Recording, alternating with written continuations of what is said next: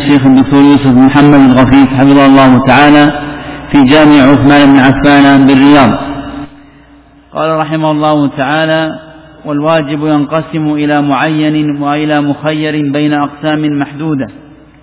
وذلك إما في الفعل وإما في الزمان. ويسمون الغير معين الفعل بين أقسام محدودة الواجب المخير والغير معين الزمان الواجب الموسع.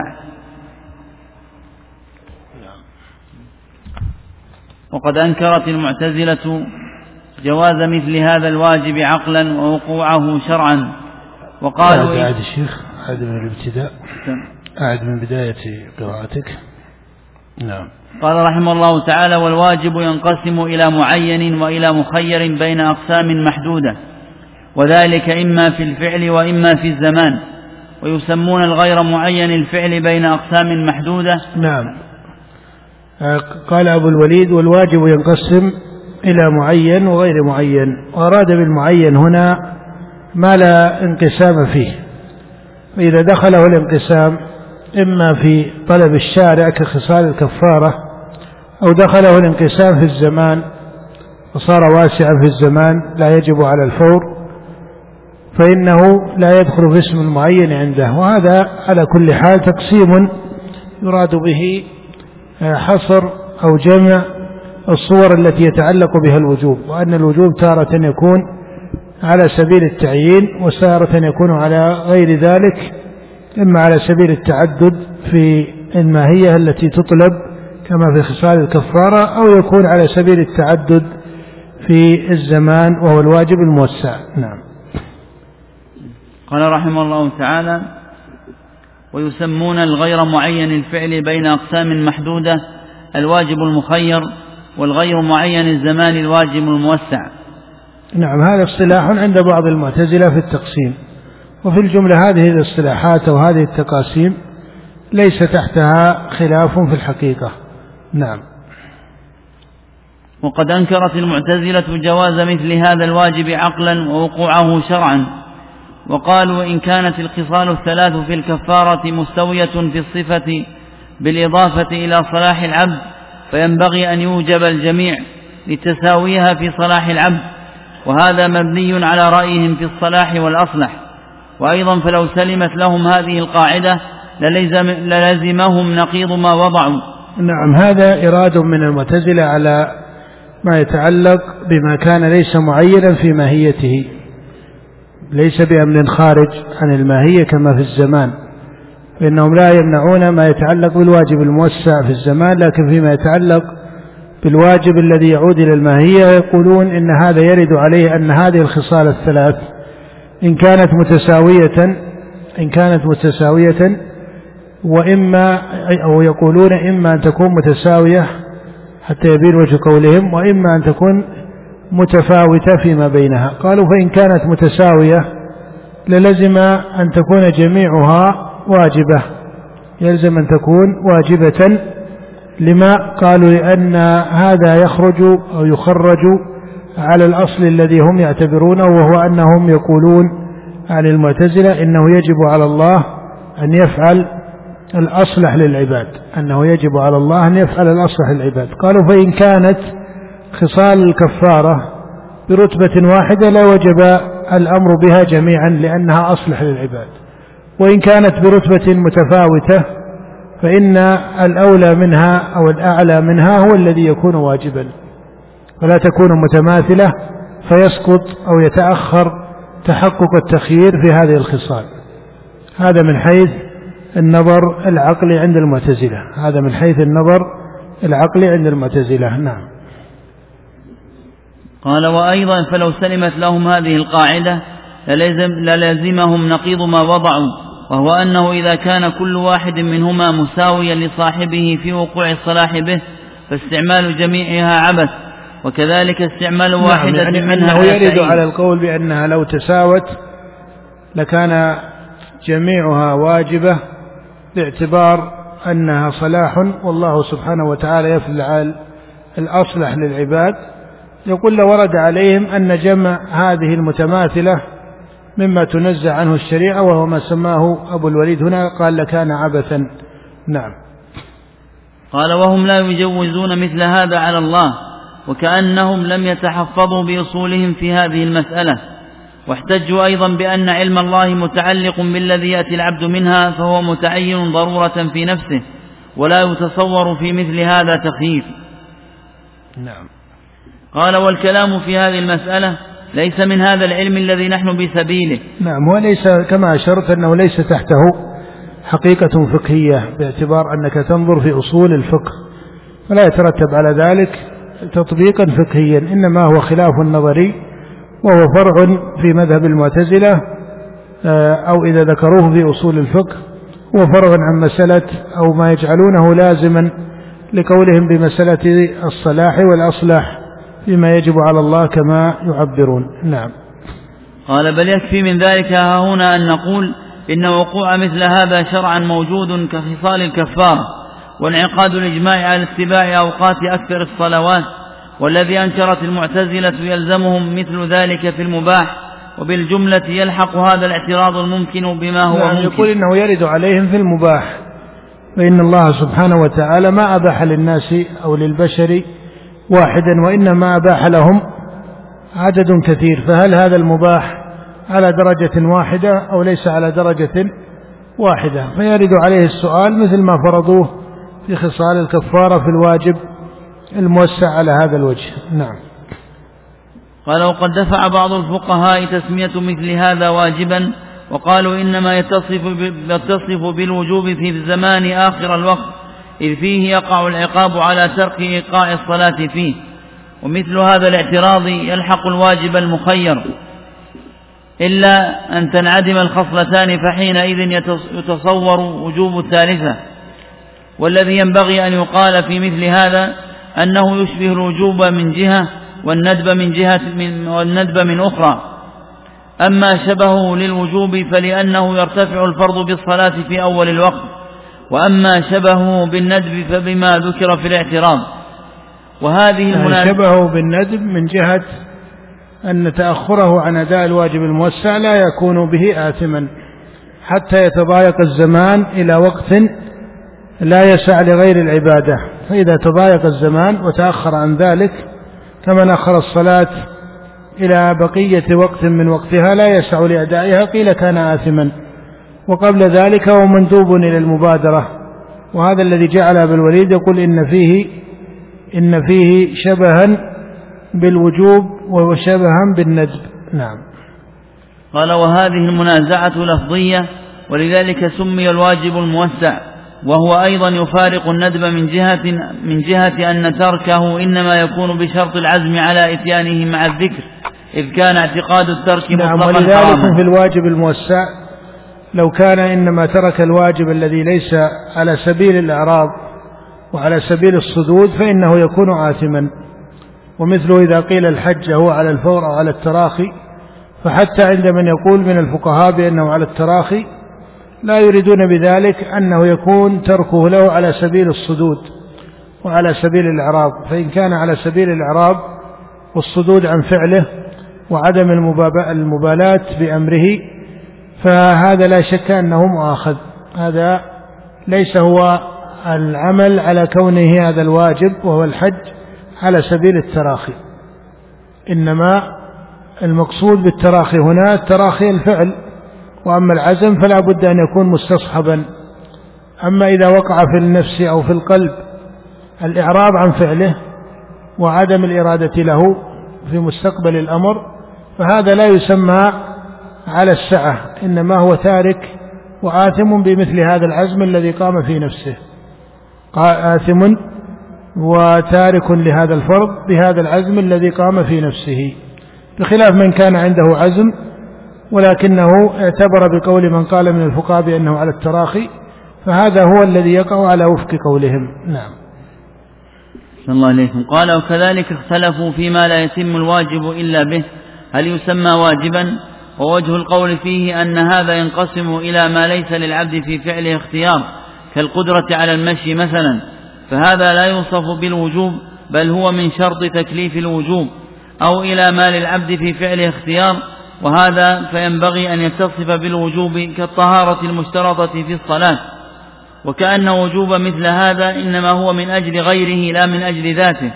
فتنشأ ها هنا قسمة هذه مسألة يذكرها الأصوليون رحمهم الله وهي مسألة وأبو الوليد يشير إلى أن ما يذكره من المسألة الأولى قد يكون متصلا بهذه المسألة وهي مسألة ما لا يتم الواجب إلا به أيكون واجبا أو ليس كذلك؟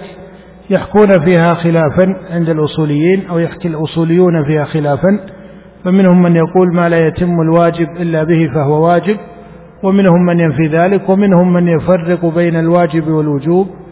وهذه المسألة عند التحقيق فهذا الذي لا يتم الواجب إلا به إما أن يكون واجبا باختصاصه كما ضرب المثل هنا بمسألة الطهارة في الصلاة. فإن الطهارة واجبة بوجه من الاختصاص. الطهارة واجبة بوجه من الاختصاص. وإما أن يكون يعني على سبيل التشريع. وإما أن يكون ما لا يتم الواجب إلا به هو أمر عادي.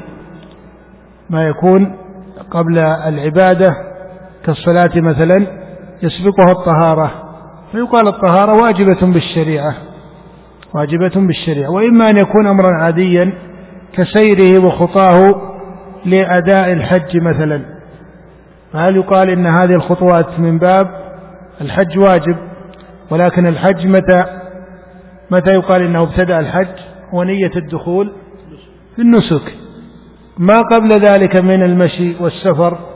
فيدخل في أمر أن ما لا يتم الواجب إلا به فهو واجب؟ يقال إن الشريعة جاءت بالوجوب على هذه الصفة التي سميت بالحج أو غيره من العبادات. وأما ما قبل ذلك من الأحوال المنفكة فهي على وجهين إما أن تكون شرطا فإن الشريعة تعينه بالتشريع كالطهارة في الصلاة وإما أن لا يكون شرطا بصفة معينة فهذا ينفك لأنه لا يتصور عقلا وجود ما أوجبته الشريعة إلا بفعل يحصل به هذا الوجوب أو تحقق هذا الوجوب الشرعي أو هذا الواجب الشرعي. ولكنك لا تستطيع أن تعين وجها واحدا بحيث يقال إن ما لا يتم الواجب إلا به فهو واجب. فيبقى التقرير هنا تقريرا نظريا لا يتعلق به تعيين معين لأنه في الطهارة وما شرعته الشريعة تعين فتقول الطهارة.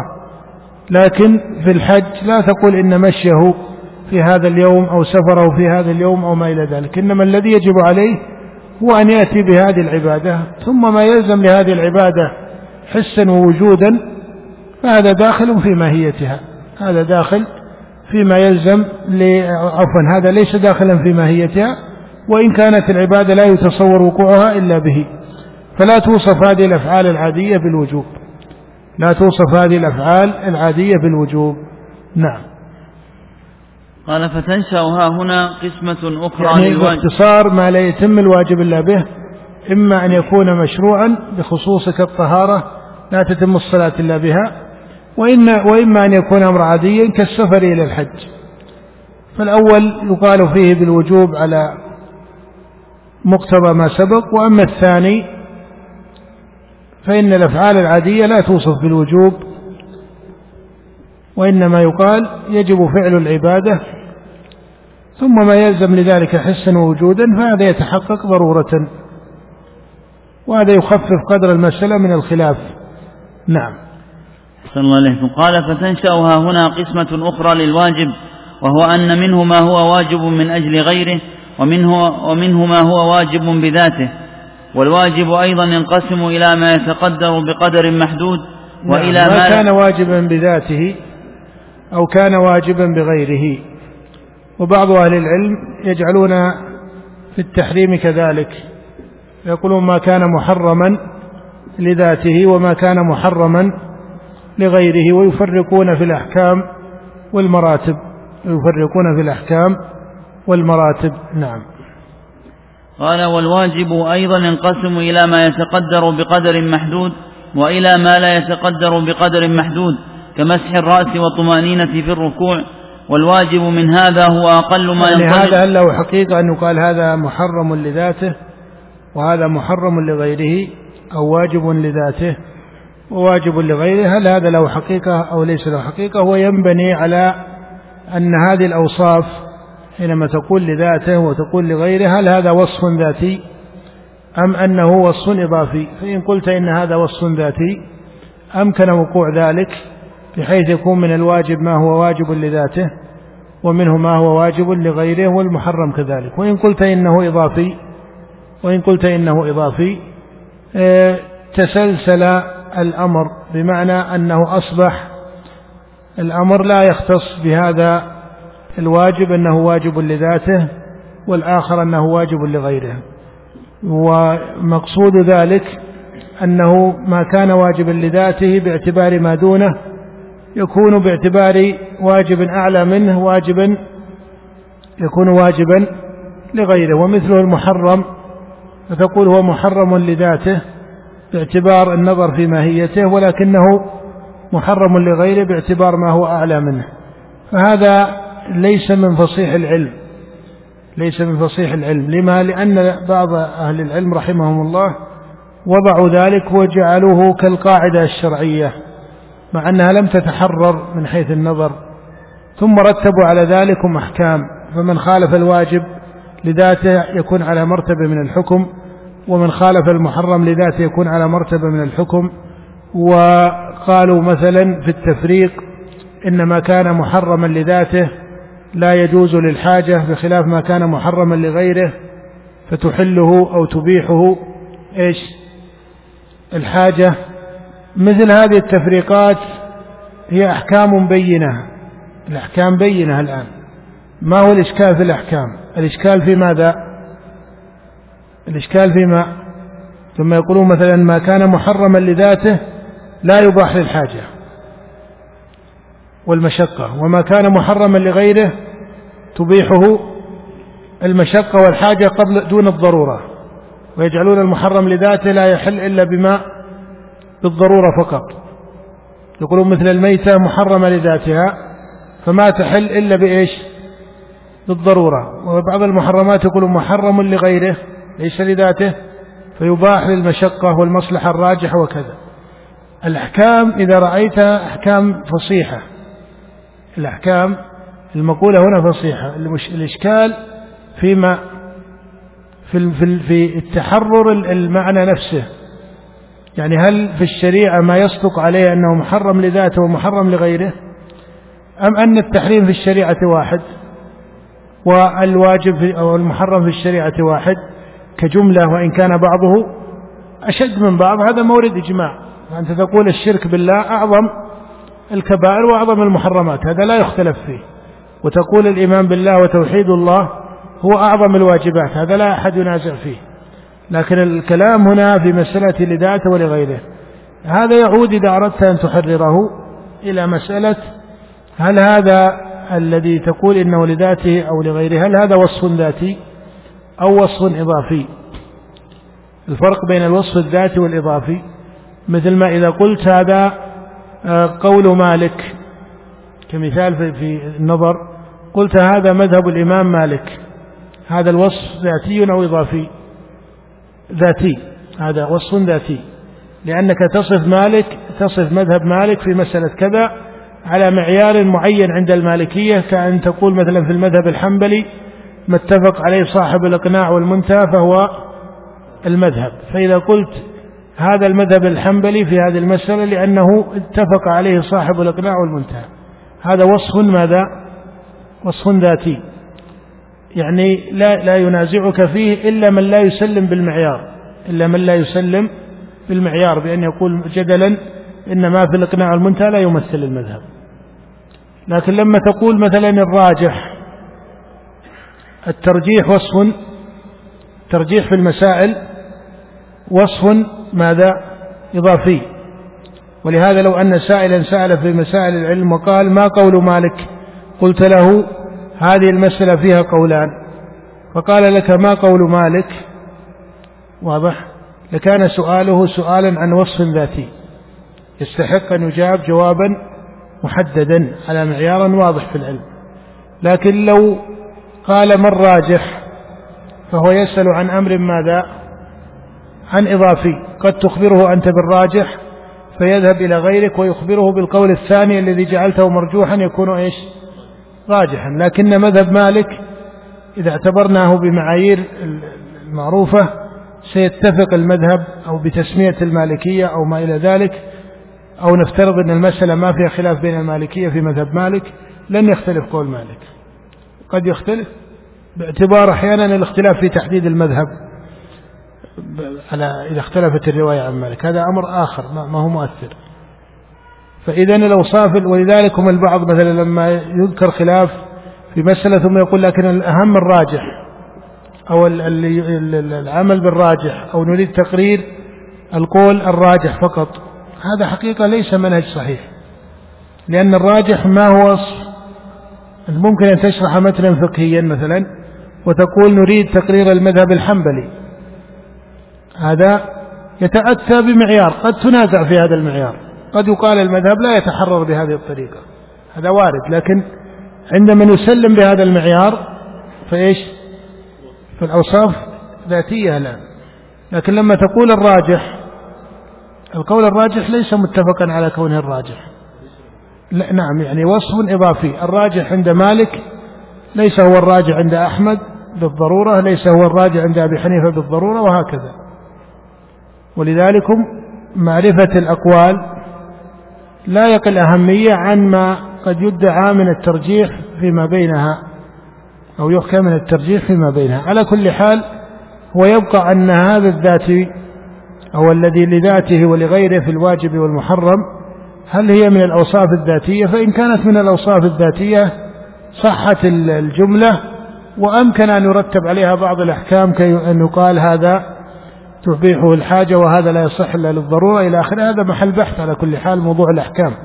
بس والمهم أنه قبل الأحكام لا تتوهم أن المسألة فصيحة وأنها مستقرة تماما لأنه ما من وجه يفرض في الذاتي إلا ويفرض إضافيا من وجه أعلى منه. أحيانا يقولون مثلا النظر محرم لغيره ولذلك جاز النظر للمخطوبة لما قامت المصلحة الشرعية الراجحة. تمام؟ ويقولون مثلا الوقوع في المحرم هو محرم لذاته. هو محرم لذاته لكنه محرم بوجه إضافي أعلى منه. بوجه إضافي أعلى منه. فلا يتسلسل الموضوع كما قد يبدو. لماذا؟ لأن التنظير يسهل أن تقول هذا الكلام لكن إذا جئت التطبيق تخطئ والأولى أن طالب العلم يعتبر المسائل بأوجه بينة التحرر. لماذا؟ لأنه إذا ركب هذه القاعدة بدأ يبحث عن فروع تطبيقية لها. ثم قد يتوهم في فروع فيسميها إضافية. ليست لذاتها أو يقول لغيره يقول محرم لغيره ثم يبيحها بالحاجة ويبيحها بالمصلحة الراجحة مع أن في الشريعة ما تباح لا لهذا ولا لهذا. يعني لو لو فالمعنى غير متحرر أصلا من أصله. قبل أن نبحث موضوع ترتب الأحكام ولهذا ليست قاعدة شائعة عند الأصوليين ليست من القواعد الشائعة ككلامهم في مقتضى الأمر وما إلى ذلك. هي طرف في المسائل أشار إليها بعض العلماء رحمهم الله. نعم. أحسن الله إليكم. قال والواجب أيضا ينقسم إلى ما يتقدر بقدر محدود وإلى ما لا يتقدر بقدر محدود كمسح الرأس والطمأنينة في الركوع. والواجب من هذا هو أقل ما ينطلق عليه الاسم ما ينطلق عليه الاسم ويبقى الباقي ندبا. نعم و... هذا يقرره هذا يقرره أبو الوليد فرعا عن كلام أبي حامد في المستصفى وهو أن وكلام أبي حامد فرع عن كلام الشافعية وأصول الشافعية. ولهذا رأيتم الإمام الشافعي رحمه الله وأصحابه لما جاءوا إلى مسألة مسح الرأس في الصلاة قالوا إنه يكفي من المسح إيش؟ البعض أليس كذلك؟ ولما جاءوا للتقصير في النسك قالوا يكفي من التقصير البعض لأنه ما يقع عليه اسم المسح يعلم به الوجوب. وهذه مسألة محل نزاع في أصول الفقه وفي مسائل الفقه. وأنت تعرف أن خلافا مشهورا بين الأئمة الأربعة في مسألة ما يمسح من الرأس. ومذهب أبي الوليد مالكي. أبو الوليد بن رشد مالكي وفروع المالكية ليست على وفق هذا المعنى الذي هو على أصول وفروع الشافعية. لكن لعل السبب أنه لخص عن المستصفى فاعتمد هذه الطريقة وإلا في التطبيق الفقهي هو لا يلتزم بها كعالم أو كفقيه مالكي. نعم. الله عليكم قال وهذا إنما يتصور فيما وقع من الأفعال متتابعا أو متشافع أو متشافعا وبالجملة ما لم تقع أجزاؤه معا. فهذا هو القول في تحديد أنواع الأحكام وتقسيمها وقد بقي السؤال وقد بقي القول في مسائل كلية تلحقها. نعم إذا هو عين لك أسماء هذه الأحكام وهي الأحكام التي سبق ذكرها وهي الأحكام الخمسة التكليفية وبين أن فيها انقساما من جهة التعيين وعدمه وهذا ما قد يعبر عنه بغير اصطلاح عند الأصوليين وعبر أبو الوليد هنا بمسألة المعين وغير المعين ودخل فيه الواجب الموسع وما يقابله فعنده هذا ليس من باب المعين ثم ينتقل بعد ذلك إلى هذا السؤال. نعم. قال فأول مسألة منها أن نقول إذا مات المكلف في أثناء الوقت ولم يقضي لم يمت عاصيا بإجماع, بإجماع السلف على ذلك. وقول من من من أثمه خطأ. فإنا نعلم قطعا أنهم كانوا لا يؤثمون من مات وقد مضى من الوقت مقدار ما تقع فيه الصلاة. فإن قيل فكيف يجوز الترك مع العزم وهو لا يعرف سلامة العافية؟ قلنا لا يجوز الترك مع العزم إلا إلى مدة يغلب على ظنه البقاء إليها. كما يجوز للمعزر أن يضرب إلى حد لا يغلب على ظنه الهلاك ولذلك قال أبو حنيفة رحمه الله لا يجوز تأخير الحج إلى سنة لأن البقاء إليها لا يغلب على الظن. وأما تأخير الصوم والزكاة إلى شهر أو شهرين فجائز. والشافعي رحمه الله يرى البقاء, يرى البقاء إلى سنة غالبا على ظن الشباب. مسألة ثانية. نعم. أي أن ما يتعلق بالواجه الموسع فإنه يقول إن إجماع السلف وهذا من تعبير أبي حامد الغزالي رحمه الله فإن أبا حامد إذا ذكر بعض المسائل التي قررها انتهى في تطبيقها إلى أن هذا موافق لطريقة السلف الأول وهو أنهم لا يؤثمون من توسع في ترك الواجب الموسع إلى وقت لا يضيق عن فعله. نعم. قال رحمه الله تعالى مسألة ثانية الأحكام تنقسم إلى واجب كما تقدم ومقابله في الطرف الأقصى المحظور وهو الحرام وبينهما متوسطان وهما الندب والمكروه. وبين وبين وبين أن المتقابلات. نعم. وبين أن المتقابلات التي بينها متوسط ليس يلزم عن رفع أحدهما وجود الآخر. فلذلك أخطأ من زعم أن الوجوب إذا نسخ رجع إلى ما كان قبل من حظر وإنما كان يكون ذلك لو لم يكن بين الواجب والحرام واسطة. وأبين من هذا أن يرجع إلى ما كان قبل من إباحة. نعم بمعنى أن النسبة بينهما ليست من باب النقيضين. ليست من باب النقيضين. الواجب والمحرم النسبة بينهما العقلية ليست هي من باب النقيضين. لأن النقيضين لا يجتمعان ولا إيش؟ ولا يرتفعان. فهذا هو الخطأ الذي ذكر أبو الوليد أن البعض وهم فيه. وأنه إذا نسخ الوجوب عاد إلى حظر وهذا ليس كذلك. قال عاد إلى ما كان من حظر. وإنما النسبة بينهما على النسب العقلية المقولة في علم المنطق هي نسبة التضاد. ما بين الواجب والمحرم هما من باب الضدين وليس من باب النقيضين. ما الفرق بينهما؟ باب النقيضين لا يجتمعان ولا يرتفعان. أما باب الضدين فإنهما لا يجتمعان ولكن يمكن ارتفاعهما فيصير الحكم ليس واجبا ولا محرما وإنما مباح أو ما إلى ذلك. نعم. الله إليكم قال وأبين من هذا أن يرجع إلى ما كان قبل من إباحة إذ ليس يتضمنها جنس هذه المتقابلات الذي هو الطلب وهنا يتبين سقوط قول من قال المباح من قال المباح مأمور به. وكذلك يتبين أنه ليس من التكليف إذ التكليف طلب ما فيه كلفة ومن سماه تكليفا وذهب في ذلك. هذا لأهميته هذا بحث في المباح وأنه ليس من باب التكليف وما إلى ذلك هذا عليه تنبيه آه، يطول الكلام فيه لأهميته لأن فيه كلاما للمعتزلة وبعض النظار ويجري التنبيه عليه إن شاء الله بعد آه، استئناف الدرس بعد الحج. بإذن الله سبحانه وتعالى ومشيئته وتوفيقه والله أعلم وصلى الله وسلم على عبده ورسوله نبينا محمد.